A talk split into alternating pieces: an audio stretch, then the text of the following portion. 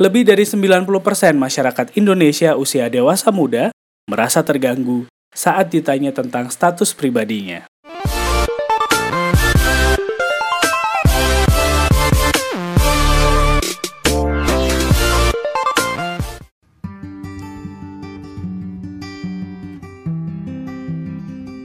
Halo, saya Fendi Rahman. Selamat datang di Makna Kata Podcast. Selamat lebaran teman-teman. Minal aizin wal faizin, mohon dimaafkan semua salah dan hilaf saya selama ini ya.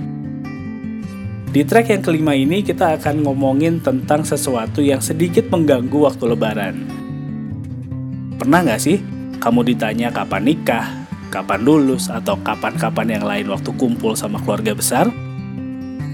Atau jangan-jangan kamu baru jadi korbannya nih? Lebaran jadi momen spesial untuk kumpul sama keluarga besar. Biasanya, kalau umur kamu sudah dirasa cukup, pertanyaan ini akan muncul setiap tahunnya. Situasi yang sulit buat kamu yang umurnya 20-30 tahunan. Bener nggak? Jangan langsung emosi teman-teman. Ingat, Lebaran adalah momen spesial untuk kumpul sama keluarga besar. Pakai momen ini untuk menegaskan kalau status dan pilihan yang kamu ambil saat ini bisa bikin kamu bahagia.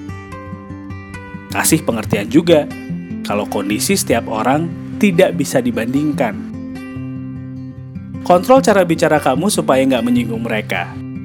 Walaupun saya tahu, kondisi hati kamu lagi nggak enak, ya kan?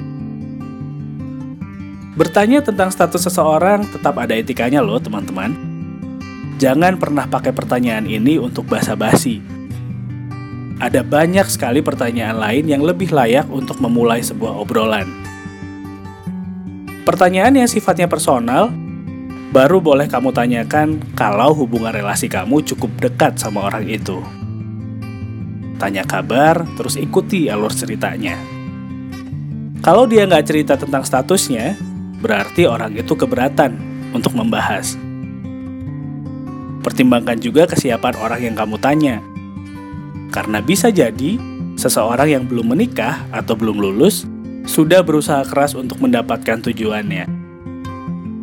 Setiap orang punya kondisi dan pertimbangan masing-masing untuk menjalani hidup, teman-teman. Sekali lagi, jangan pernah membandingkan. Kamu nggak mau kan hubungan keluarga jadi jauh gara-gara pertanyaan ini? Semoga setelah mendengarkan podcast ini, kita bisa lebih bijak kalau mau nanya sesuatu. Terima kasih sudah mendengarkan makna kata podcast. Saya pamit. Selamat lebaran ya teman-teman.